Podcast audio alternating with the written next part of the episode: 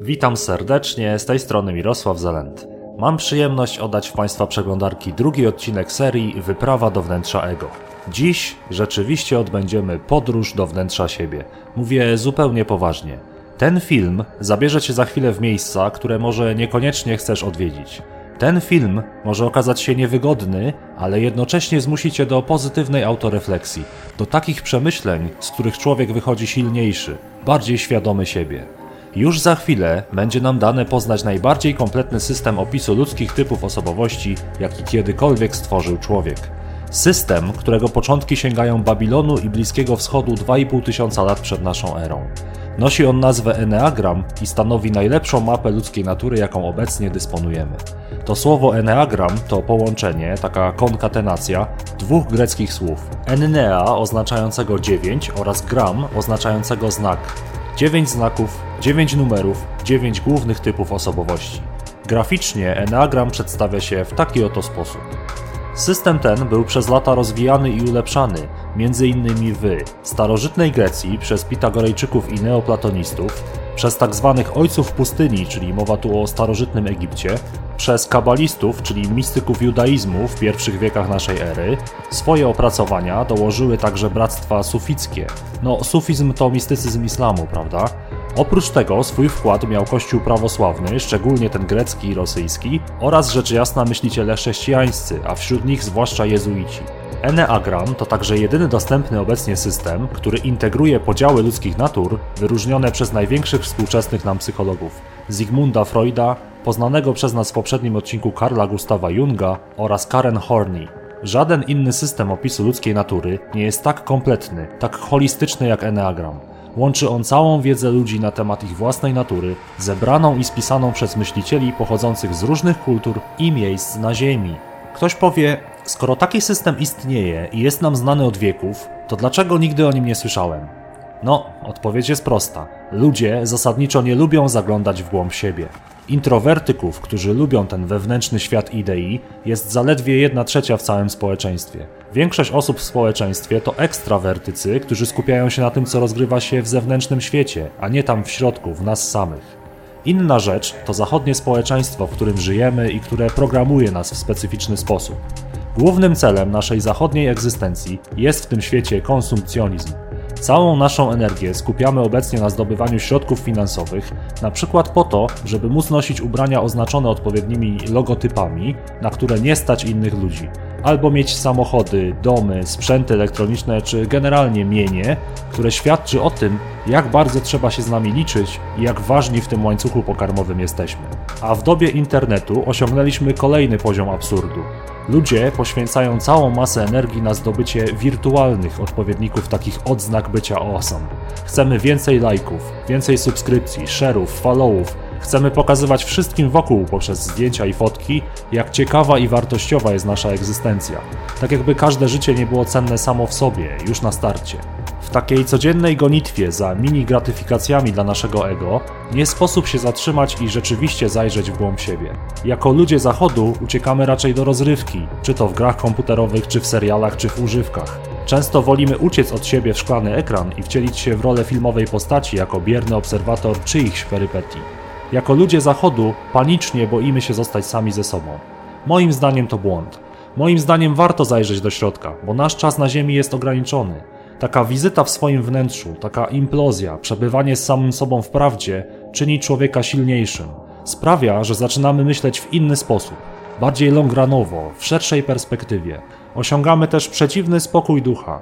Ktoś może się na nas wydzierać, a my tylko spokojnie odpowiemy: Proszę cię, nie krzycz na mnie. Czasami jesteśmy zbyt zanurzeni w życie, przejmujemy się jakimiś głupotami, które i tak nie będą miały za chwilę większego znaczenia. Zapominamy, jak wielkim darem jest życie samo w sobie. Steve Jobs ładnie to ujął. Pamiętanie o tym, że kiedyś umrzesz, jest najlepszym sposobem, jaki znam, na uniknięcie myślenia o tym, że masz cokolwiek do stracenia. Już teraz jesteś nagi. Nie ma powodu, dla którego nie powinieneś żyć tak, jak nakazuje ci serce. Enneagram pomoże nam zajrzeć do naszej psychiki, zwiedzić to miejsce. Wyjmie pewne nasze preferencje i zachowania na światło dzienne. Nauczy nas też, jak pozostać samym sobą w prawdzie i pozwoli spojrzeć na siebie z innego, bardziej szerokiego punktu widzenia. Na początek jednak kilka uwag praktycznych. Enneagram to bardzo złożony system. Nie wystarczy tylko poznać swojego numeru typu osobowości, tego numeru od 1 do 9.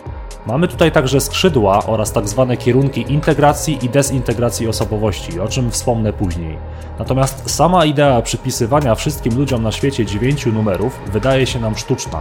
Przecież ludzie są tak różni, jak płatki śniegu. Jak można podzielić ich zaledwie na kilka typów osobowości? To dobra intuicja i pamiętaj, nikt nie wmawia ci tutaj, kim jesteś. Jednak nawet w złożonym systemie, jakim jest ludzka psychika, dają się przecież wyróżnić, wyabstrahować pewne wzorce. Co to jest ten typ osobowości? No, w dużym skrócie można powiedzieć, że każdy z typów osobowości Enneagramu reprezentuje ogólny sposób, w jaki dziecko nieświadomie dopasowało się do rodziny i otaczającego je świata. Kiedy dziecko kończy 4-5 lat, to ma ono już zazwyczaj swoją świadomość, poczucie bycia odrębną jednostką i zaczyna na własną rękę szukać swojego miejsca, swojej roli w świecie zewnętrznym. Oczywiście największy na to wpływ mają relacje pomiędzy ludźmi z jego najbliższego otoczenia czy rodziny oraz czynniki dziedziczne. Natomiast te sposoby adaptacji dają się badać i kategoryzować. Każdy z nas ma swój jeden podstawowy typ osobowości i choć przez lata zmieniamy się w przeróżny sposób jako ludzie, to ten podstawowy typ osobowości nie zmienia się nigdy. Nie zmienia się, bo na nim zbudowaliśmy swoją osobowość, swoją tożsamość. Są to nasze domyślne, defaultowe zachowania i sposób interakcji z otaczającym nas światem. Opisy typów osobowości są niezależne od płci, to znaczy żaden typ osobowości nie jest typowo damski czy typowo męski. Nasz sposób adaptacji do świata zewnętrznego jest niezależny od płci. Podobnie jak na przykład bycie introwertykiem czy ekstrawertykiem, co znamy z odcinka pierwszego tej serii, nie ma to przecież nic wspólnego z płcią, prawda? I dalej, nie każdy detal opisu Twojego typu osobowości będzie do Ciebie pasować, a także pewne detale innego typu osobowości niż Twój mogą Cię aktualnie opisywać. To dlatego, że mamy w Enneagramie tak zwane kierunki integracji i dezintegracji osobowości. W skrócie chodzi o to, że na przykład zdrowa szóstka będzie przejmować pozytywne cechy dziewiątki, a niezdrowa szóstka będzie z czasem przejmować negatywne cechy trójki. Ponadto w tym systemie mają na nas wpływ także tak zwane typy sąsiednie. I to nawet do tego stopnia, że możesz nie być na przykład czystą dwójką, ale być na okręgu nieco dalej. O tutaj. Czyli jesteś na przykład 2W3, czyli dwójką, i to jest typ podstawowy, dominujący, ale z tak zwanym skrzydłem trójki. Ta literka W oznacza wing, czyli z angielskiego właśnie skrzydło. A to z kolei sprawia, że jako dwójka możesz przejmować pozytywne cechy czwórki, a jako trójka szóstki. Zaś niezdrowa jednostka jako dwójka przejmie negatywne cechy ósemki, a jako trójka niezdrowe cechy dziewiątki. No, nie ma lekko, tak jak wspominałem, jest to najbardziej złożony system, jakim dysponuje ludzkość. Tak czy inaczej, jeden typ osobowości jest na pewno u ciebie dominujący i dziś dowiesz się, który jest twój, jaki ma numer. Zresztą, kiedy tylko usłyszysz opis swojego typu, to zapewne rozpoznasz go natychmiast i powiesz sobie: O tak, to jestem ja. Ktoś zapyta, czemu te typy osobowości oznaczone są akurat numerami? No, to głównie dlatego, że liczby nie niosą ze sobą ładunku emocjonalnego, prawda? Są pozbawione interpretacji, nie tak jak słowa. Mogę na przykład powiedzieć zamiast czwórki indywidualista albo zamiast ósemki przywódca. Ale to już są słowa, a słowa różnie się ludziom kojarzą. Numery są neutralne, nie mają ani pozytywnego, ani pejoratywnego wydźwięku. Wartość tej liczby także nie ma znaczenia, czyli na przykład ósemka nie jest lepsza niż jedynka, a dziewiątka nie jest najlepszym typem z wszystkich tylko dlatego, że to największa liczba. Nie, to nie ma znaczenia. W ogóle żaden typ osobowości nie jest ani lepszy, ani gorszy od innego. To są po prostu inne smaki egzystencji. Bądźmy tego świadomi. Najlepszy współczesny opis Enneagramu metodą naukową zawdzięczamy dwóm autorom. Donowi Richardowi Rice'o oraz Rasowi Hudsonowi.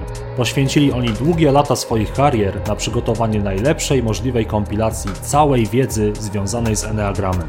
Rezultatem tej ogromnej pracy naukowej i licznych warsztatów, gdzie zbierano doświadczenia setek ludzi, jest książka Personality Types Using the Enneagram for Self-Discovery.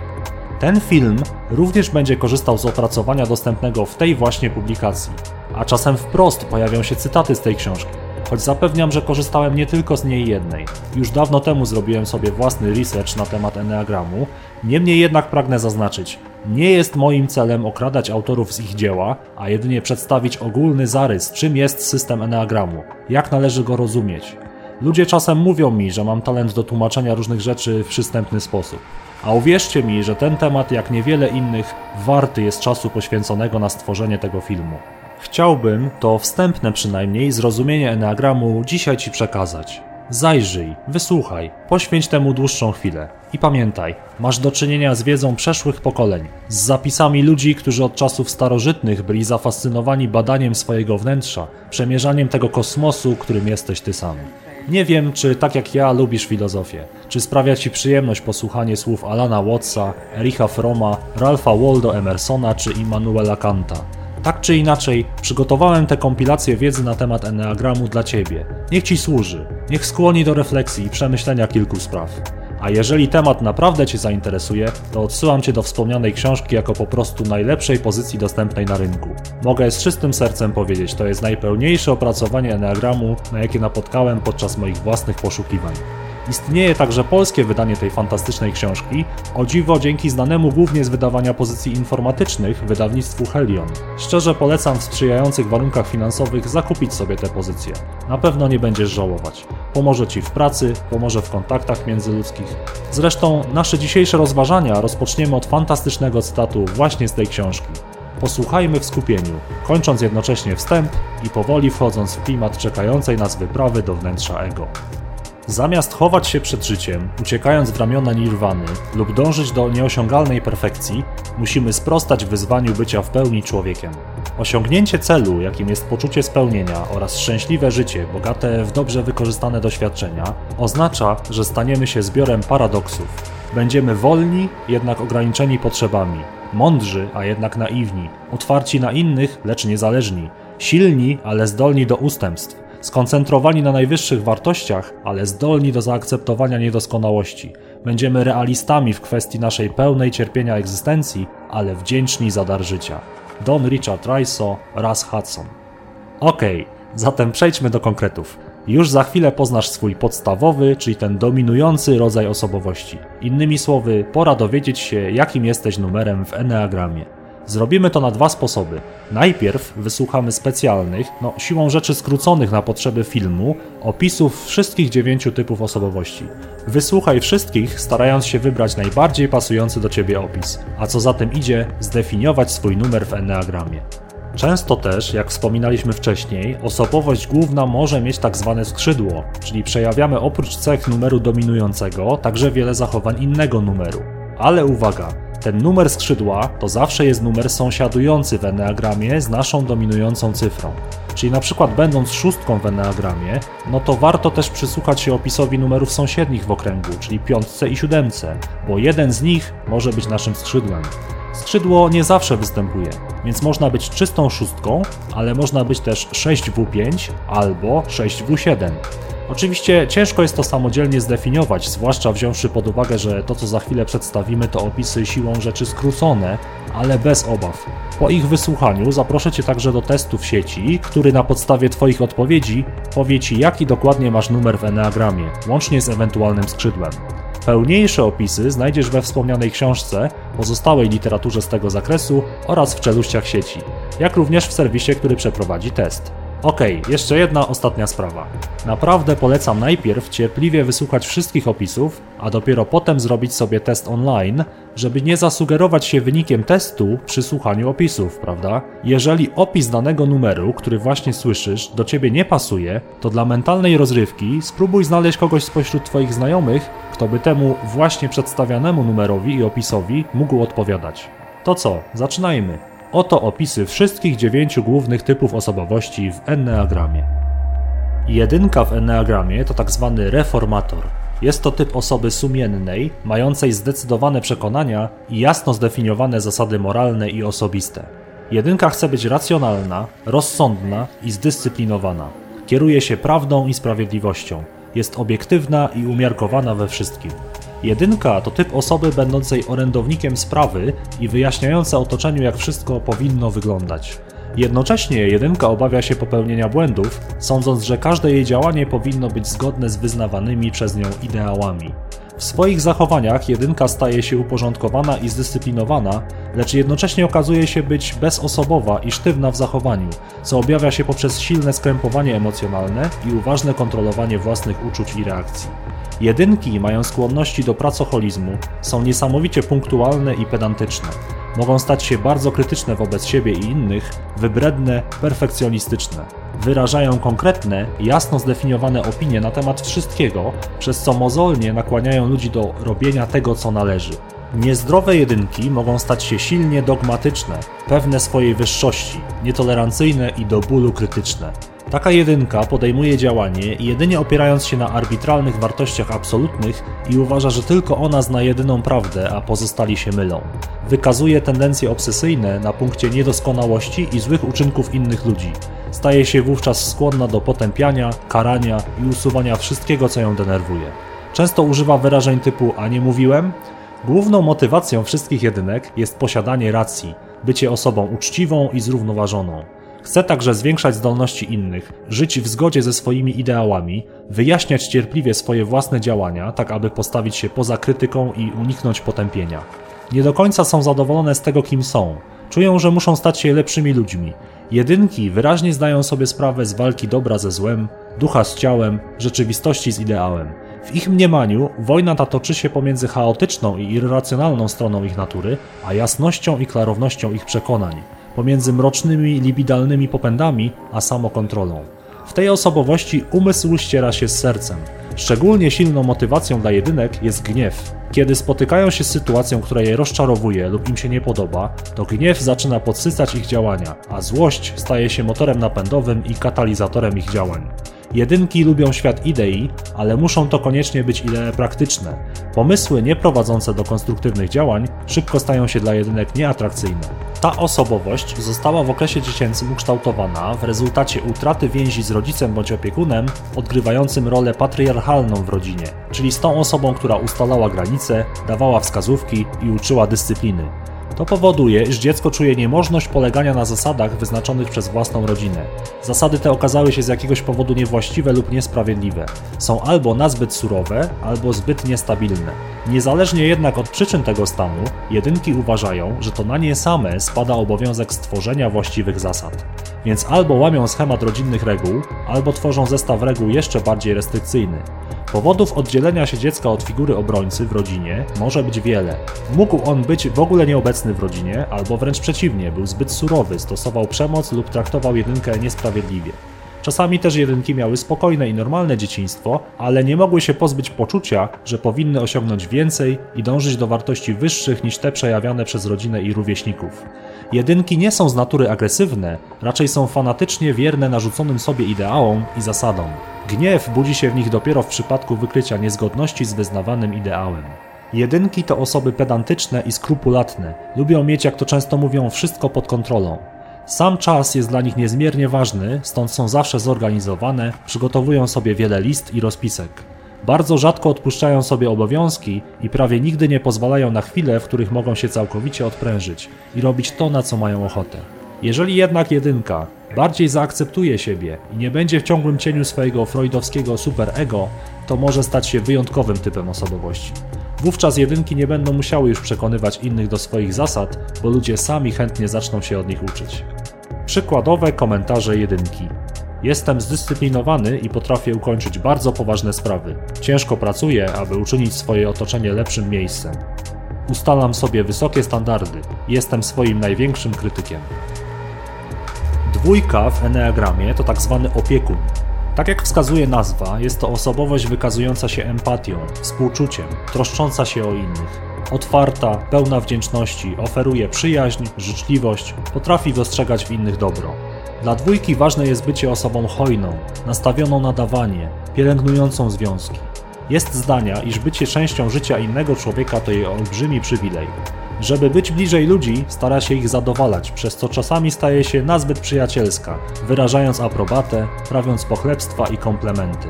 Do tego stopnia spoufala się z innymi, że staje się w tym nachalna. Często dwójka musi czuć się potrzebna, co prowadzi do jej wtrącania się w życie innych osób i prób kontrolowania ich w imię miłości czy przyjaźni. Dwójki chcą, aby inne osoby były od nich uzależnione, dają wiele od siebie, ale oczekują także czegoś w zamian. Niezdrowe dwójki wysyłają sprzeczne sygnały, bywają zaborcze i zazdrosne, czasem wręcz matkują innym i są gotowe na każde poświęcenie ze swojej strony. Kreują potrzeby, które mogłyby zaspokoić. Coraz bardziej zarozumiałe i zadufane w sobie czują się niezastąpione, choć tak naprawdę przeceniają swoje zasługi dla innych. Może rozwinąć się u nich hipochondria. Wtedy stają się prawdziwymi męczennikami, gotowymi do intrygowania, wzbudzania poczucia winy i wymuszania poczucia wdzięczności u innych. Bardzo niezdrowe dwójki nadużywają leków, mogą nie znać umiarkowania w jedzeniu, zbijają innych z tropu przez czynienie lekceważących i pogardliwych uwag. Jednocześnie nie potrafią się przyznać przed samym sobą do prawdziwych motywów własnego działania, do agresji i egoizmu. Bywają despotyczne. W ogólnym przypadku motywacją każdej dwójki, zdrowej czy niezdrowej, jest chęć bycia kochanym, możliwość wyrażenia swoich uczuć do innych osób, odczuwanie w otoczeniu bycia potrzebnym i docenionym. Dwójka zmusza innych do odwzajemnienia uczuć, usprawiedliwiając się przed samą sobą.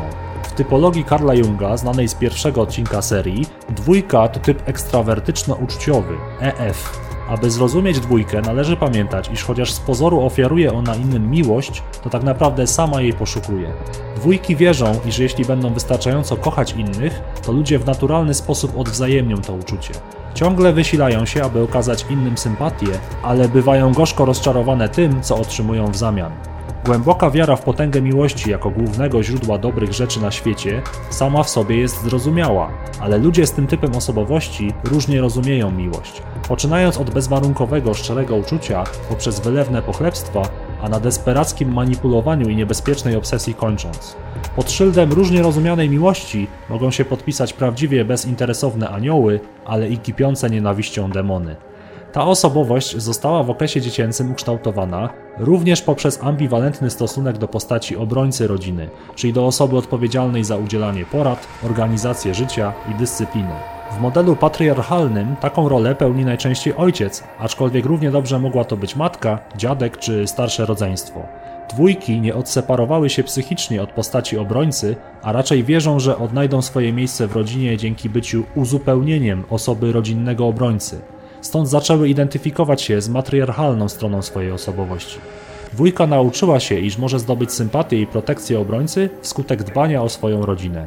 Taka relacja z protektorem jest przygotowywaniem gruntu pod podobny stosunek do każdego, kto może dwójce dać poczucie własnej wartości, tożsamość i upragnioną miłość. To jest największy problem dwójek. Nie kochają siebie bezwarunkowo. Ich poczucie własnej wartości jest warunkowane tym, czy inni postrzegają je jako dobre, pozbawione egoizmu osoby. Im bardziej niezdrowa jest dwójka, tym bardziej będzie ona czuła, że aby zdobyć czyjąś miłość, a co za tym idzie poczucie własnej wartości i tożsamość, to musi się poświęcić i stłumić własne potrzeby. A im bardziej własne potrzeby są postrzegane jako egoistyczne, to tym bardziej trzeba znaleźć pośrednie sposoby na ich zaspokojenie. Nie ma nic złego w tym, że dwójki postrzegają siebie jako naprawdę dobre i kochające osoby. Problem zaczyna się wtedy, gdy uważają, że muszą być dobre zawsze i w absolutnie każdych okolicznościach, bo na tym zbudowały swoją tożsamość. Z kolei zdrowe dwójki, dzięki umiejętności zatroszczenia się o siebie, nie czują tak desperackiej potrzeby szukania miłości. Zdają sobie sprawę, że zadbanie o siebie nie jest przejawem egoizmu. To w rzeczywistości niezbędne, jeśli rzeczywiście chcą pomagać innym. Dlatego potrafią być troskliwe, pozbawione egoizmu w relacjach, ponieważ ich miłość jest prawdziwie bezinteresowna. Niestety na drugim końcu kontinuum osobowości znajduje się niezdrowa dwójka, która postępuje źle, kontrolując i wymuszając na innych różne zachowania, zasłaniając się dobrem, nie potrafiąc już samodzielnie tych pojęć rozróżnić. Poznawszy swój wewnętrzny świat, dwójki mają szansę stać się wyjątkowym typem osobowości. Są najbardziej taktowne i najszczersze w miłości, a ponieważ ich uczucia są silne, to potrafią jak żaden inny typ zatroszczyć się o innych, pomagać im, okazywać dobroć, jednocześnie potrafiąc przyznać się przed sobą do własnych potrzeb emocjonalnych, nie zagłuszając ich. Nie błądzą już w sposobach okazywania miłości, nie są neurotyczne, lecz realizują się w pięknej, zdrowej, bezinteresownej, naznaczonej miłością egzystencji. Typowe komentarze dwójki. Wiem, czego ludzie potrzebują i wiem, jak uczynić ich choć przez chwilę szczęśliwymi. Doskonale czuję się obok autorytetu, któremu mogę ofiarować swoje poparcie, być jego prawą ręką i powiernikiem sekretów. Trójka w Enneagramie to tak zwany motywator, jest to typ osoby pewnej siebie, energicznej, ambitnej, mające poczucie własnej wartości. Łatwo przystosowują się do otoczenia, są czarujące, lubiane, zdają sobie sprawę z własnych możliwości. To realiści wytrwale dążący do celu, mający ochotę dawać z siebie wszystko, są skuteczni i pracowici, są nastawione na osiąganie wyników i dlatego nadzwyczaj dobrze wykonują swoje obowiązki. Są w tym lepsze od innych i wybijają się ponad przeciętność. Mają również autoironiczne poczucie humoru i niewinność dziecka. Są autentycznie skromne i dobrotliwe. Często porównują się do innych, żeby móc określić swój status i sprawdzić, czy osiągnęły sukces. Z uporem wspinają się po szczeblach kariery zawodowej i towarzyskiej, nastawione na osiągnięcia, ekskluzywizm i bycie zwycięzcą. Stają się świadome swojego wizerunku i przywiązują dużą wagę do tego, jak inni je postrzegają. Z tego powodu mogą zacząć się zachowywać zgodnie z oczekiwaniami otoczenia, robiąc wszystko co trzeba, żeby osiągnąć sukces. Będąc pragmatyczne i skuteczne, mogą stać się wyrafinowane, makiawelistyczne, skrywając swoje uczucia pod maską obojętności. Niezdrowe trójki chcą imponować innym swoją wyższością. Ciągle się reklamują, przedstawiają siebie w najlepszym możliwym świetle, mają wygórowane mniemanie o sobie i swoich talentach. Zdradzają skłonności do ekshibicjonizmu, tak jakby cały czas wołały patrzcie na mnie. Mają problemy z nawiązywaniem intymnych stosunków z innymi ludźmi, zaś arogancją i pogardą kamuflują swoją zazdrość o innych i ich sukcesy. Najbardziej niezdrowe trójki obawiają się porażki i poniżenia, a także wypaczenia swojego wizerunku i fałszywego przedstawienia ich osiągnięć. Niezdrowa trójka nie ma skrupułów. Jest gotowa na wszystko, by tylko podtrzymać iluzję swojej wyższości. Niezdrowe trójki bywają mściwe, zazdrosne, potrafią zdradzić albo sabotować działania osoby, nad którą chcą zatriumfować. Mogą wykazywać tendencje psychopatyczne. Główną motywacją wszystkich trójek, tak zdrowych jak i niezdrowych, jest chęć czucia się wartościowym, chęć skupiania na sobie uwagi, wyróżniania się. Trójki oczekują od innych ciągłego potwierdzania ich własnej wartości. Chcą one być języczkiem uwagi, podziwiane, imponujące otoczeniu. Postępowanie mniej zdrowych trójek przypomina cechy charakterystyczne dla kultury zachodu. Uparte dążenie do celu, narcyzm, dbanie o swój wizerunek, przerost formy nad treścią. Niedobrze, jeśli czyste dążenie trójki do doskonałości zostanie zastąpione przez pęd do sukcesu, sławy i podziwu. Do rzeczywistości, gdzie trójka sprzedaje swoją osobowość jak towar, ładnie zapakowany, zareklamowany i z wykreowanym wizerunkiem. Zdrowa trójka uważa, że będzie najbardziej doceniona za swoje czyny, stąd po prostu wkłada całą energię w to, aby się dobrze spisać, dobrze wykonać swoją robotę i odnieść sukces w realizacji założonych planów i celów. Ta osobowość została w okresie dziecięcym ukształtowana głównie przez silny związek z osobą opiekuna, czyli kimś, kto zaspokajał jej emocjonalne potrzeby, doglądał jej, troszczył się o nią, okazywał czułość. Oczywiście najczęściej tą postacią jest matka, ale może to także czasem być ojciec lub ktoś z rodzeństwa. Rozwijające się trójki, dzięki tak mocnej więzi ze swoim opiekunem, łatwo potrafią przystosować się do aktualnego stanu emocjonalnego danej osoby i zareagować odpowiednio do sytuacji, spełniając oczekiwania i potrzeby opiekuna w danej chwili. Czasami nabiera to charakteru patologicznego i trójki posuwają się do stłumienia własnego ja, stając się osobą, której celem jest zdobywanie aprobaty opiekuna. Jako osoby dorosłe, trójki powielają te zachowania, na których oparły swoją tożsamość. Znajdują w swoim otoczeniu osoby, w oczach których mogą szukać akceptacji, aprobaty i podziwu. Są też bardzo wrażliwe na punkcie ewentualnego odrzucenia. Podziw w cudzych oczach dawał trójkom poczucie własnej wartości i docenienia. Brak aprobaty sprawia, że czują pustkę i stają się nieprzyjaźnie nastawione do innych, ponieważ do głosu dochodzi skrywane uczucie braku bycia docenionym nie za to, co się robi, ale za to, kim się naprawdę jest. Wielkim wyzwaniem dla osób o tym typie osobowości jest skupienie się na życiu wewnętrznym, tak aby opierać swoje działania na autentycznych uczuciach i prawdziwych pozytywnych wartościach. Sporo trójek nie zdaje sobie sprawy, jak bardzo oddaliły się od swojego ja, więc moment, w którym uświadomią sobie, że realizowane przez nich marzenia tak naprawdę wynikają z nawyku karmienia swojego ego i nie są tak do końca ich własnymi, może być trudny. Trudny, ale i przełomowy. Zdrowe trójki są kochane i podziwiane, a nawet idealizowane przez innych, ponieważ w zdrowym dążeniu do doskonałości starają się rozwinąć posiadane zalety i umiejętności, osiągając stan bliski ideału. Oczywiście wciąż lubią, kiedy inni ludzie zwracają na nie uwagę i je doceniają, ale nie ma to już charakteru nałogu czy uzależnienia. Trójki potrafią wówczas realizować własne cele bez podziwu otoczenia, a ich poczucie własnej wartości jest autentyczne i autonomiczne, to znaczy niezależne od opinii innych. Trójki szybko się uczą, są dobrymi przywódcami. Gdy są zdrowe, stają się wyjątkowym typem człowieka, wzorem do naśladowania i specjalistami w umiejętnościach, które najlepiej rozwinęły. Wykonują pracę efektywnie, rzetelnie i skutecznie. Typowe komentarze trójki. Bardziej od sukcesu cenię sobie tylko zbieranie jego owoców. Jestem osobą kompetentną, konkretną i skuteczną. Zawsze się uważałem za człowieka sukcesu, choć nie wszyscy na mojej drodze byli w stanie dostrzec to od razu.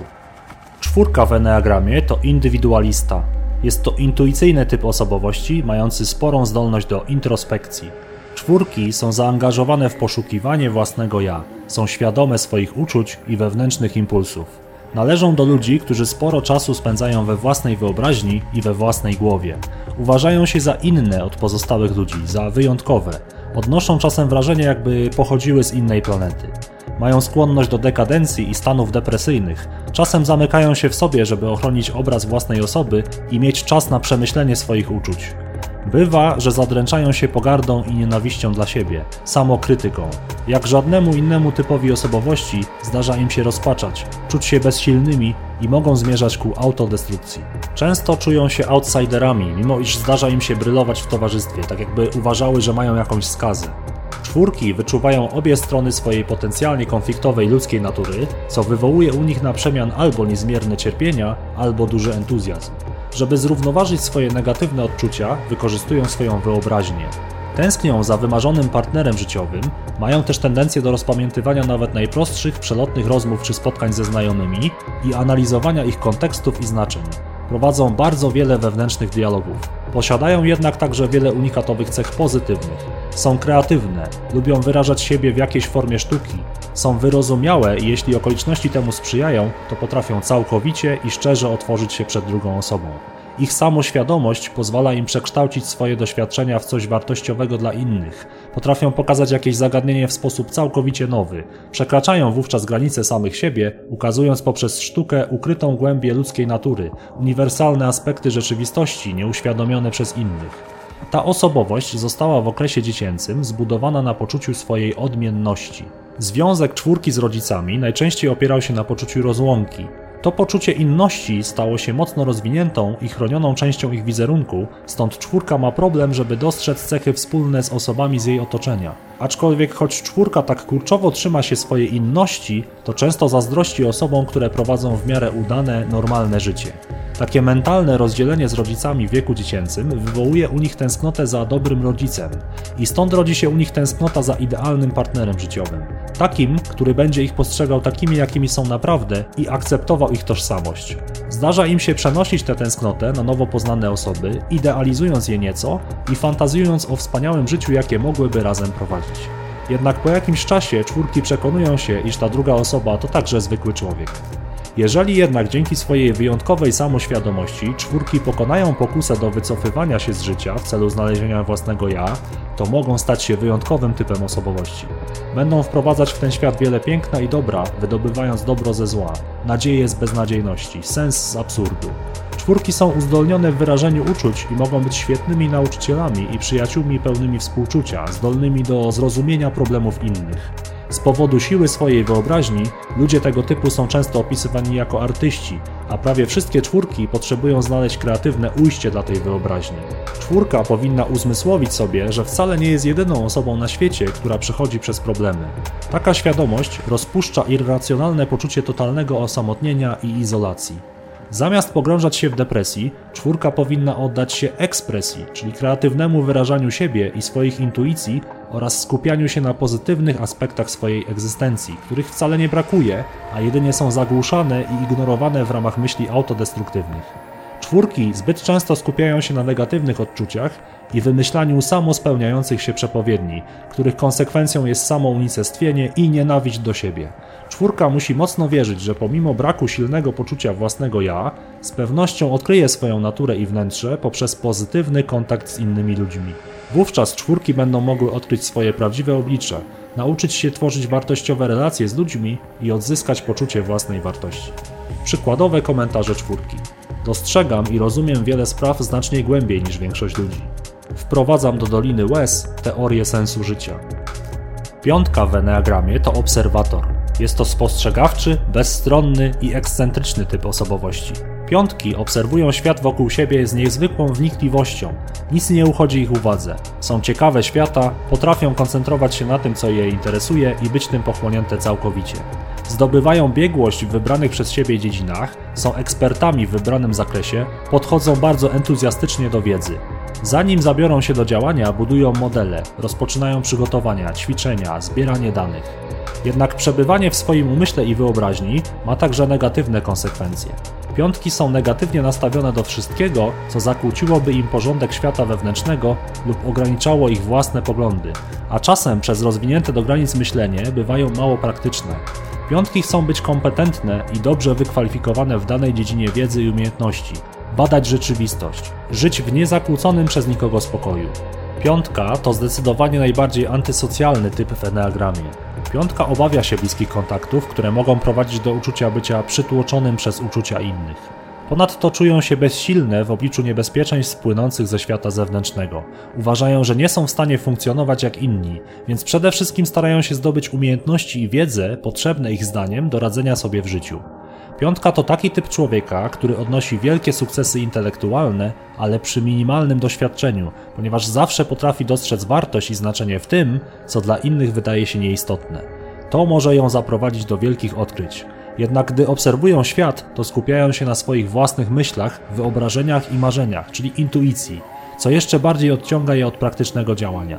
Potrafią spędzać sporo czasu na rozpatrywaniu alternatywnych pomysłów lub wizji rzeczywistości, które w praktyce nie będą miały żadnego wpływu na ich życie, a jedynie przyczynią się do tego, że piątki będą odczuwać jeszcze większy strach o siebie i będą czuły się jeszcze bardziej podatne na wrogie wpływy otoczenia. Ta osobowość w okresie dziecięcym, poszukując w rodzinie swojego miejsca, uznała, że jej zdolności nie były rodzinie potrzebne ani przez nikogo oczekiwane. W rezultacie piątka wycofała się z aktywnego życia rodzinnego w poszukiwaniu czegoś, co mogłaby ofiarować wspólnocie. Dlatego właśnie chcą one stać się jak najbardziej biegłe. I to najlepiej w dziedzinie, która nie została w tej grupie ludzi dobrze zbadana. Motywacją piątki jest osiągnięcie doskonałości w wybranych tematach i rozwinięcie talentów, tak by poczuć się na powrót wystarczająco pewnymi siebie i aktywnymi jednostkami. W międzyczasie piątki zawierają z rodzicami swego rodzaju niepisaną umowę, której główna reguła brzmi: Nie zadawaj mi zbyt wielu pytań na mój temat, to ja też nie będę pytać cię o twoje sprawy. Piątka potrzebuje sporych ilości czasu i energii na osiąganie pożądanych kompetencji i kwalifikacji, stąd nie podoba im się, kiedy ktoś zabiera im czas, narusza ich przestrzeń osobistą albo wtrąca się do ich spraw. To, co inni ludzie dostrzegają jako bezpieczny dystans, piątka odczuje jako naruszenie jej osobistych granic. Powodem takiego zachowania jest częściowe poczucie wykluczenia z rodziny i dlatego piątka często ma wrażenie, że rodzina dosłownie lub w przenośni narzuca się jej, nie dając wystarczającej przestrzeni życiowej. Piątki są gotowe do wyrzeczenia się wielu wygód i potrzeb, aby móc strzec swojej przestrzeni i czasu niezbędnych do realizowania swoich zainteresowań i pasji. Zdarza się, iż ludzie z tym typem osobowości to ekscentrycy. Nierzadko posiadają oni własne kolekcje przedmiotów związanych z daną dziedziną, w której się specjalizują. Często mentalnie piątki dzielą świat na wewnętrzny i zewnętrzny, subiektywny i obiektywny, znany i nieznany i wreszcie bezpieczny i niebezpieczny. Z tego powodu piątki mogą mieć skłonności do odosobnienia, izolacji, fobii, a nawet schizofrenii. Niemniej jednak zdrowe piątki mogą stać się wyjątkowym typem osobowości. Stają się ekspertami, wiedzą o czym mówią, dzielą się swoją wiedzą z innymi. To, co robią, robią z pełnym zrozumieniem, a ich pomysły stają się niezwykle cenne dla innych ludzi w tej wybranej dziedzinie. Piątka lubi dzielić się swoją wiedzą, ponieważ dyskutując o różnych pomysłach z kimś innym, same też dzięki temu się uczą. Pozostaje jednak bardzo niezależna. Swój świat wewnętrzny pozostawia dla siebie i nie lubi mówić o swoich uczuciach. Niemniej jednak zawsze pozostaje ciekawa świata i jest niezwykle spostrzegawcza. W tych ludziach można dostrzec ścieranie się skrajnie różnych postaw. Geniuszu z szaleństwem, fascynacji świata z lękiem przed nim, myślenia z działaniem. Przykładowe komentarze piątki. Posiadam stosunkowo głęboką wiedzę o tym zawodzie i mam dobrze rozwiniętą zdolność postrzegania rzeczy. Nie chcę, żeby mój czas lub siły były marnowane na czyjeś narzucone mi zadania. Szóstka to tak zwany lojalista. Osoba o tym typie osobowości przykłada dużą wagę do roli zaufania, tworzy więzi, relacje oraz sojusze. Takie osoby to przywódcy lokalnych grup ludzi, odpowiedzialni, rzetelni, godni zaufania. Są dobrymi organizatorami i planistami, ciężko i wytrwale pracują z innymi, nierzadko w naturalny sposób rozwiązują napotkane problemy. Szóstka akceptuje siebie, jest niezależna, ale jednocześnie żyje w symbiozie z otoczeniem, jest skora do pomocy. Jej wiara w siebie prowadzić może do prawdziwej odwagi, przywództwa i twórczej realizacji swoich talentów. Inwestuje ona swój czas i energię we wszystko, co w jej mniemaniu będzie stabilne i bezpieczne. Dobra organizacja i strukturyzacja stają się dla niej sposobem zapewnienia sobie poczucia bezpieczeństwa i ciągłości. Zwykle szóstki starają się znajdować najprostsze i najbezpieczniejsze rozwiązania, zawsze jasno definiować warunki działania i trzymać się ustalonych procedur. Jednak jest to także ambiwalentny typ osobowości. Kiedy szóstka broni się przed wymaganiami stawianymi przez innych, to może stać się niezdecydowana, ostrożna, podejrzliwa wobec osób wokół, wykazując zachowania typu passive-aggressive oraz uniki. Ta wewnętrzna sprzeczność, ta ambiwalencja może też prowadzić do rozwinięcia się w formę wojowniczości, buntu, złośliwości i sarkazmu. Wówczas niezdrowe szóstki wykazują autorytaryzm, kierują się uprzedzeniami, a nawet mogą posunąć się do gruźb. Jednak tak naprawdę te zachowania są sposobem na uśmierzenie własnych lęków i zazwyczaj nie są zawinione przez innych. Niezdrowa szóstka wykazywać będzie tendencje paranoidalne, to znaczy będzie w irracjonalny sposób atakować innych, z własnej winy tworząc sobie wrogów. Główną motywacją szóstek jest pragnienie bezpieczeństwa oraz uzyskanie wsparcia i uznania w oczach innych. Szóstka chce poznać stosunek innych ludzi do swojej osoby, by móc następnie bronić swoich poglądów. Bardziej neurotyczne szóstki posuwają się do tego, iż będą absolutnie pewne, że inni myślą o nich wyłącznie źle i wszędzie będą dostrzegać wyimaginowaną wrogość innych ludzi. Takie niezdrowe jednostki na każdym kroku widzą spiski, czują się prześladowane przez innych, a zwłaszcza przez ludzi z jakąś władzą. Takie jednostki nie zdają sobie sprawy, iż źródłem odczuwanych przez nie złych emocji są one same. Szóstki w systemie Junga, który znamy z odcinka pierwszego tej serii, to typ introwertyczno-czujący, czyli EF, Introvert Feeling. Z racji odczuwanych lęków, szóstki żyją w stanie ciągłej czujności wobec otoczenia, starając się przewidywać wydarzenia i podejmować odpowiednie środki ochronne. Paradoks polega na tym, iż pragnąc bezpieczeństwa, szóstki muszą stale myśleć o niebezpieczeństwie, co może mieć charakter nieco paranoidalny.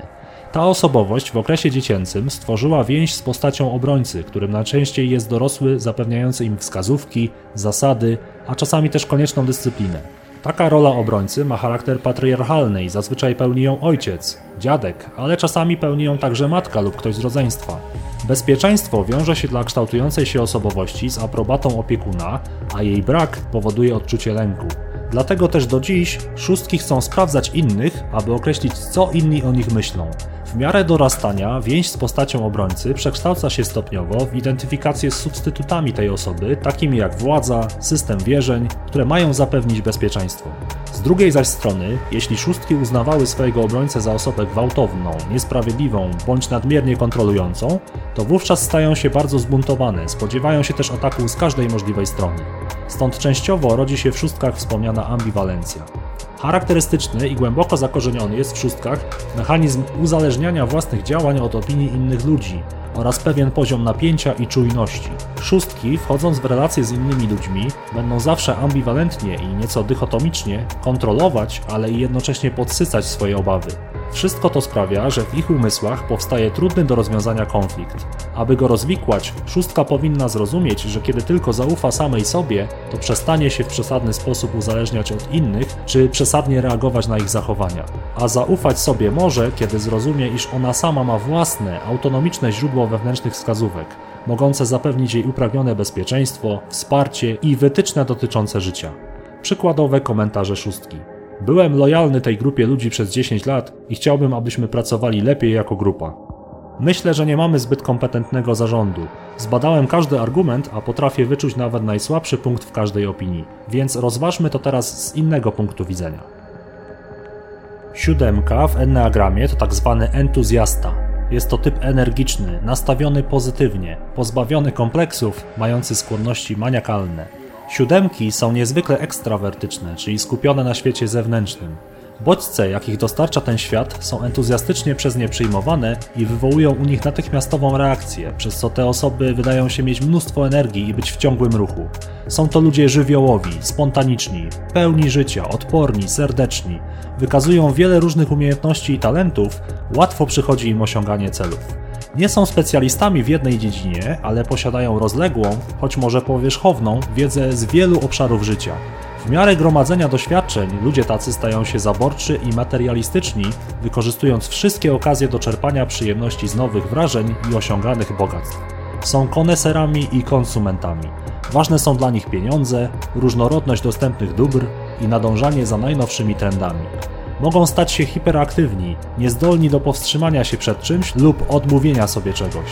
Ich zachowanie cechuje ostentacyjność, przepych, cięty dowcip i aktorskie maniery. Obawiają się nudy, stąd starają się cały czas być w ruchu, wiele rzeczy rozpoczynając, ale niekoniecznie doprowadzając do końca. Konsumują wszystko do przesytu, mając skłonności do popadania w egocentryzm i chciwość, czyli tak zwaną manię wielkości. Stają się wówczas wymagający i agresywni, ale jednocześnie wciąż niezadowoleni, zgorzkniali i pełni nałogów. Przejawiają charakter impulsywny i mocno infantylny, nie potrafiący się powstrzymywać. Nałogi bądź przesyt mogą zamienić tę osobę w zmanierowanego, zdeprawowanego i pozbawionego sił eskapistę, nie radzącego sobie z własnymi lękami czy frustracjami. Główną motywacją siódemki jest pragnienie szczęścia i satysfakcji. Skupiają się one na gromadzeniu wielu różnych hedonistycznych doświadczeń, pragną utrzymywać stały dopływ nowych wrażeń. Chcą cieszyć się życiem i poszukują radości w ucieczce przed lękiem. Lęk występuje, ponieważ życie pełne zróżnicowanych form hedonizmu samo w sobie nie przynosi satysfakcji. Wiemy, iż ci, którzy całe życie poświęcili na zaspokajanie swoich zachcianek, często borykają się z uczuciem wewnętrznej pustki, nienawiści do samego siebie i nostalgią, a mimo to nie chcą się w żaden sposób zmienić. Rzucenie się wir przyjemności w celu uniknięcia nudy oznacza powiedzenie sobie: im więcej zdobywam przyjemności, tym większy się staje. Oczywiście żaden człowiek nie jest w stanie wierzyć w to całkowicie poważnie i z tego powodu życie w wirze przyjemności po części musi opierać się na oszukiwaniu samego siebie. Wszyscy ludzie, niezależnie od typu osobowości, stają przed koniecznością wykorzystania świata we właściwy sposób. Jak można czerpać przyjemność nie oddając się jej bezgranicznie? Jak posiąść bogactwa, nie ignorując potrzeb innych? Jak żyć w świecie i nie zagubić się w nim? Te pytania definiują kwintesencję życia siódemek.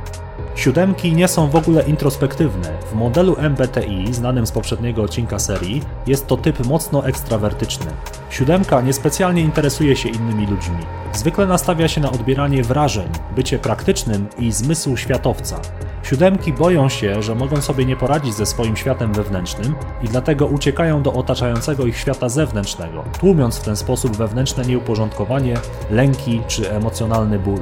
Kontrolowanie poziomu swojego lęku odbywa się poprzez skupianie uwagi na pomysłach i możliwościach, które są dla siódemki ekscytujące. Myślą głównie o działaniach i aktywnościach, którymi mogłyby się zająć w przyszłości i które będą stanowić nowe źródło przyjemności.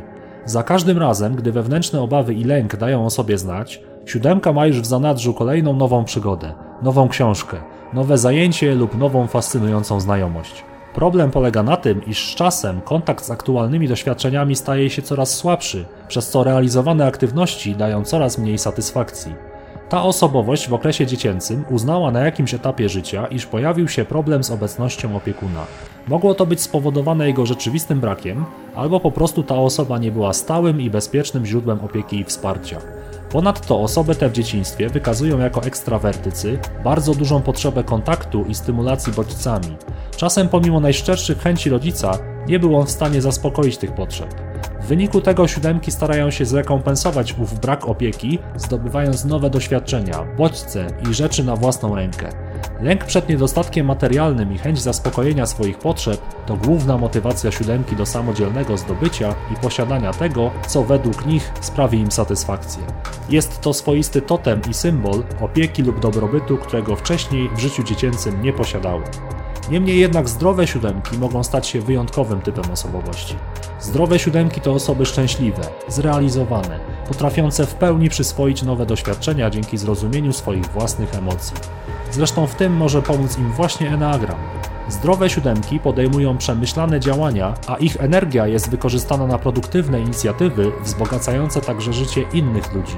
Siódemka musi znaleźć sposób doświadczania swoich doświadczeń, bo inaczej wszystkie jej starania pójdą na marne. A warto wykorzystać agresywny, entuzjastyczny potencjał swojej osobowości, swoją pewność siebie, siłę woli, charakteru, zdolności przywódcze, lotny umysł, kosmopolityzm i nie tylko żyć dla chwilowej gratyfikacji, ale osiągnąć szczęście. Przykładowe komentarze siódemki. Zawsze dostrzegam jasną stronę problemu, nie pozwalam, by przeciwności losu mnie przytłoczyły. To ja zawsze mam pomysły na świetną zabawę. Mam zamiar uczestniczyć w życiu i czerpać z niego pełnymi garściami. Ósemka w enneagramie to przywódca.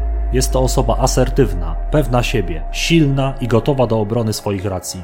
Cechuje ją praktyczne podejście do spraw i chęć rozwiązywania problemów. Ósemki są zdecydowane, autorytatywne i skłonne do naturalnego przewodzenia innym. Wykazują wysoki poziom samokontroli. Bez problemów jednak poddają się woli osób uznanych przez nią za większy autorytet w danej dziedzinie. Ósemka jest odważna, nie cofa się przed niebezpieczeństwem, jeżeli może to pomóc w realizacji jej wizji. Jest także przedsiębiorczym pragmatykiem, dominuje nad otoczeniem, ale też pragnie poparcia z ich strony. Główne motywacje ósemki to chęć posiadania niezależności, odpierania słabości, posiadania wpływu na otoczenie, zachowania kontroli, osiągnięcie zwycięstwa, któremu towarzyszyć będzie poczucie bycia niezwyciężonym. Niezdrowe ósemki przeciwstawiają się wszystkim próbom kontrolowania jej, stając się osobą bezlitosną i wierzącą jedynie we własne siły. Taka osoba ma tendencję do bycia jednostką niemoralną, pozbawioną skrupułów i jest potencjalnie agresywna. Bardzo niezdrowe ósemki mają urojenia na temat własnej siły, odporności, zdolności do zwyciężania, a nawet mogą wykazywać tendencje socjopatyczne. Niezdrowe ósemki stają się egocentryczne, dumne, narzucają swoją wolę otoczeniu, nie traktują ludzi jako równych ani wymagających szacunku. Ten typ osobowości jest bardzo ekspansywny, ekspresywny i często jest typem szefa, którego słowo jest święte. Wiele spraw odbiera jako wyzwanie, prowokuje rywalizację i nigdy nie wycofuje się ze starć. Mówiąc najprościej, grzechem głównym ósemek może stać się pycha. W modelu MBTI ósemka to typ ekstrawertyczno-intuicyjny, stąd ten typ posiada dobre wyczucie wszystkich rzeczy nowych lub dopiero powstających.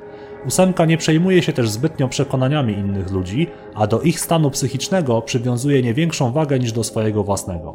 Ta osobowość w okresie dziecięcym nie związała się silnie z postacią opiekuna w rodzinie, raczej pełniła wobec niego tzw. Tak rolę komplementarną, czyli uzupełniającą.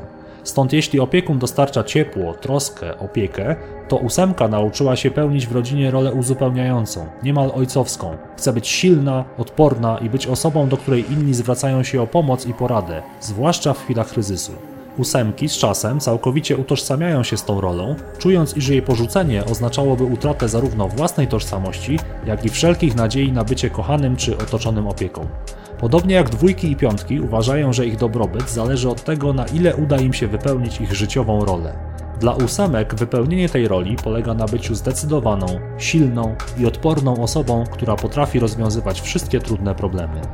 Swoje lęki i słabości ósemki wypierają ze świadomości, a pokonywanie kolejnych wyzwań może uczynić ósemkę twardą, agresywną i mającą ograniczoną zdolność do emocjonalnego zbliżania się do innych. Ósemki niechętnie przyznają, nawet przed sobą, że coś czy ktoś mógłby je zranić. Ich życie czasami naznaczone jest piętnem ciągłego oczekiwania odrzucenia czy zdrady. W myśl zasady każdy jest kowalem własnego losu, ósemki toczą ciągłą walkę o przetrwanie, a każdy, kto toczy taką walkę, musi dbać przede wszystkim o siebie. Zdarza im się też czasami wybuchnąć gniewem. Warto zauważyć, iż rozwój ósemki musi polegać na otwieraniu się na nowych ludzi, zamiast na ich zdominowaniu. Niezdrowy kierunek dezintegracji poprowadzi ósemkę na prawdziwe pole bitwy.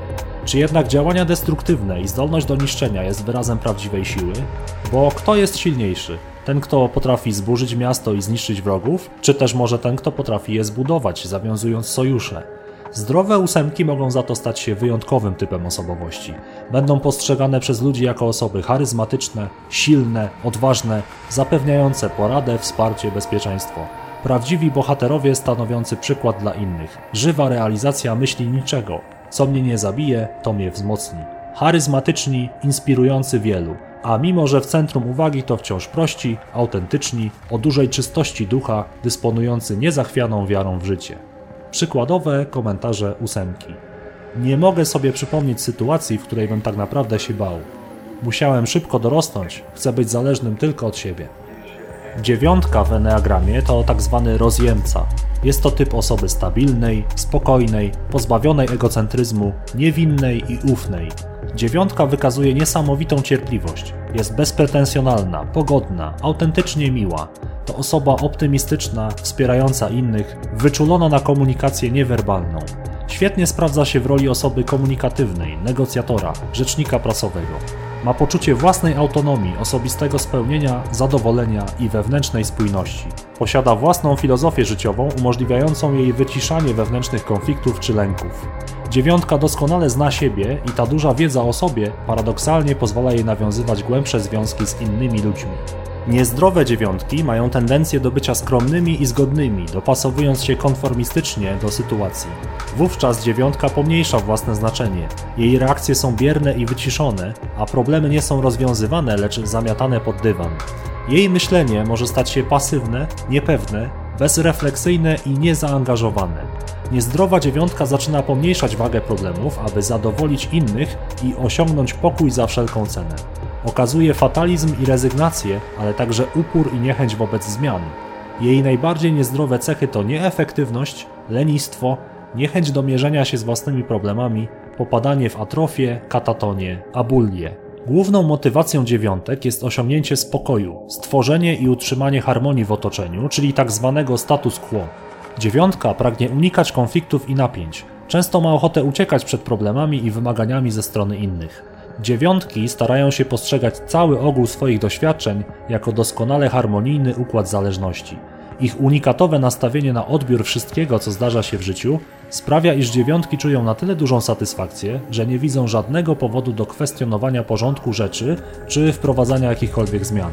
Nie należy winić dziewiątek za ten holistyczny, psychologiczny rozwój, za tak optymistyczny i otwarty pogląd na życie.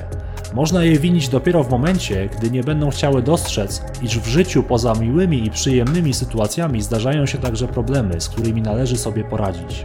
Odrzucenie wszystkich trudności nie sprawi przecież, że będą one znikać. Co więcej, spokój, do którego dąży dziewiątka, często jest zdobywany kosztem innych ludzi. Dziewiątki, mimo swojej dobrej woli, mogą wyrządzić wiele krzywd, ignorując to, z czym trzeba się zmierzyć m.in. w odgrywanych przez nich społecznych rolach. Dziewiątki pragną nie dopuścić do tego, by otoczenie wywarło na nie jakikolwiek wpływ. Są bowiem zadowolone ze stanu równowagi oraz poczucia spokoju, przez co nie chcą się kontaktować z niczym i nikim zdolnym do zachwiania tego stanu. Nie chcą też, aby równowagę tę zaburzyły ich własne emocjonalne reakcje, stąd zdecydowanie odcinają się one od intensywności swoich uczuć. Ta osobowość w okresie dziecięcym prawidłowo związała się zarówno z osobą opiekuna, jak i obrońcy. Większość ich energii umysłowej i emocjonalnej zostaje zatem wykorzystana do utrzymania tej identyfikacji w swego rodzaju harmonii. Zdrowe dziewiątki są więc otwarte na otoczenie, bo w dzieciństwie otrzymały bardzo wiele wsparcia od rodziców czy opiekunów. Z kolei niezdrowe dziewiątki nauczyły się w trudnych, konfliktowych chwilach ignorować ból emocjonalny i problemy w zewnętrznym, czasem dysfunkcyjnym środowisku. Przypomina to nieco zachowanie dziecka, które chcąc zagłuszyć odgłosy kłócących się rodziców, zakrywa uszy i zaczyna nucić piosenkę, przypominając sobie szczęśliwsze czasy. Niemniej jednak więź stworzona z obojgiem rodziców daje zdrowej dziewiątce wyraźne poczucie tożsamości i wsparcia, choć z drugiej strony w procesie dalszego rozwoju dziewiątka może zauważyć, iż jeśli jej psychika to połączenie cech obojga rodziców, to jak wiele miejsca pozostało w niej na osobiste przemyślenia i emocje. Bardzo ważna wówczas staje się próba uzyskania pewnej niezależności i autonomii oraz chęć zachowania pewnych sfer życiowych wyłącznie dla siebie. Kiedy dziewiątka zrozumie naturę tych wewnętrznych mechanizmów i wypracuje swoją tożsamość poprzez zastąpienie części zwyczajów czy rytuałów opiekunów własnymi odpowiednikami, to wtedy zaspokaja własną potrzebę samorealizacji. Dziewiątki mają talent do utrzymania harmonijnych związków nie tylko pomiędzy nią a spotkanymi ludźmi, ale także pomiędzy tymi ludźmi nawzajem.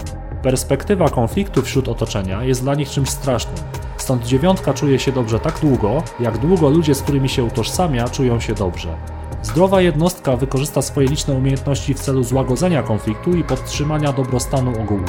Kiedy jednak dziewiątka nie jest zdrowa, to działania naprawcze zastąpi iluzorycznym przekonaniem, że wszyscy mają się dobrze, nawet jeżeli wcale tak nie jest. Głównym potencjalnym problemem dziewiątki jest wypieranie swojej potrzeby niezależności i przestrzeni, kiedy jednak zdobędą się na niechowanie głowy w piasek i posiadanie własnych rozwiązań, to mogą stać się wyjątkowym typem osobowości.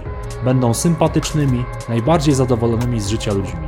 Enneagram uczy dziewiątki, iż stan wyparcia i dysocjacji od problemów należy zastąpić akceptacją cierpienia w sposób świadomy.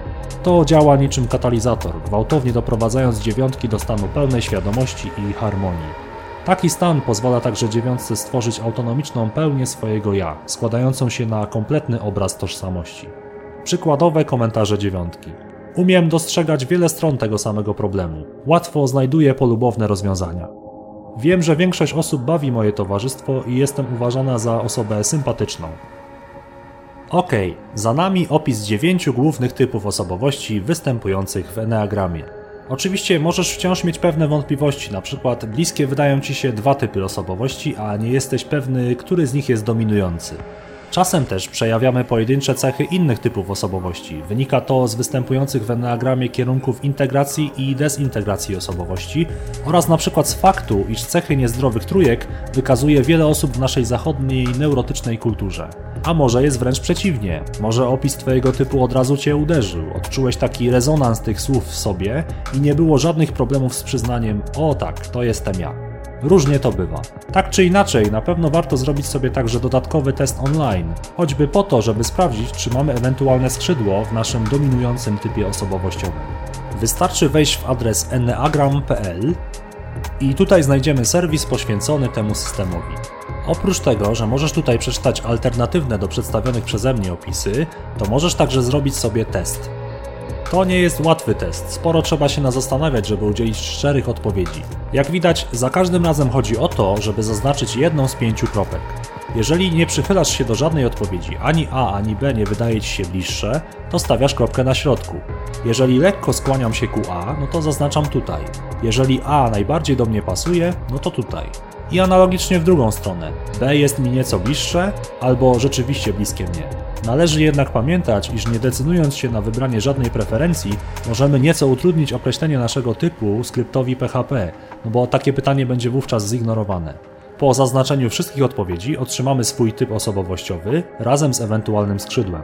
Osobiście proponuję odłożyć sobie zrobienie testu na czas, kiedy będziemy wypoczęci i będziemy mieli autentyczną ochotę rozwiązać go dobrze. Ok, a na koniec chciałbym powiedzieć jeszcze kilka słów podsumowania. To w mojej opinii cenne uwagi warto myślę zostać tu jeszcze przez chwilę i posłuchać do końca. Po pierwsze, mogliśmy odnieść mylne wrażenie, że Enneagram zbyt często skupia się na naszych negatywnych cechach charakteru. Otóż jest to wrażenie błędne. Ja przedstawiłem jedynie krótkie opisy dziewięciu typów i dlatego zdecydowałem się naszkicować w tych opisach kierunek dezintegracji osobowości. Taka wiedza o tym, jakie są największe zagrożenia i tendencje negatywne naszego typu osobowości, przyda nam się do uświadomienia sobie tych skłonności, a co za tym idzie do świadomego zapanowania nad nimi. A że lekarstwo bywa gorzkie? Cóż, taki jest nasz cel. To była wyprawa w głąb ego. Gdyby zaglądanie tam zawsze było przyjemne, no to ludzie nie uciekaliby tak od swojego wnętrza, prawda? Natomiast sam Enneagram nie tylko ma na celu pokazać nam nasze cechy neurotyczne, ale on przede wszystkim wskazuje kierunki rozwoju i integracji. Pomaga nam w pełni zrealizować pozytywne aspekty własnej osobowości. W tym filmie tak naprawdę jedynie pomogłem Ci określić swój typ osobowości oraz poznać pewne Twoje tendencje i uwarunkowania. Prawdziwa analiza Enneagramu może zająć lata. Pamiętajmy, ten system istnieje od ponad 4,5 tysiąca lat. Nie da się tego przyswoić w jeden dzień. Dlatego jeśli temat Cię zainteresował, to jeszcze raz zachęcam do samodzielnych poszukiwań. A szczególnie i ponownie odsyłam Cię do książki Riso i Hudsona, ludzi, którzy poświęcili większość kariery naukowej na opracowanie całej tej psychologicznej wiedzy, wykładanie jej i stosowanie w praktyce na warsztatach. Tak jak wspomniałem, nie jest moim celem w tym filmie okradać autorów z ich dzieła, a jedynie zarysować czym jest Enneagram i polecić opracowanie, które jest według mnie najlepsze na rynku. Tę książkę będę polecał zawsze i wszędzie, tak jak Slide Edge'a, o czym Państwo zapewne wiecie. Lubię do tej książki wracać, okazała się też niezwykle pomocna w mojej pracy zawodowej i w relacjach. Nie sposób jej przecenić. Dość powiedzieć, że opis każdego typu zajmuje w niej około 30 stron tekstu, a dla każdego numeru w systemie dezintegracja osobowości pokazana jest na 9 kolejnych poziomach. Znajdują się tam też wskazówki dla zaawansowanych badaczy, czyli dla ludzi znających się na psychologii, dla tych, którzy znają wybitne prace Karla Gustawa Junga, Zygmunda Freuda i Karen Horney.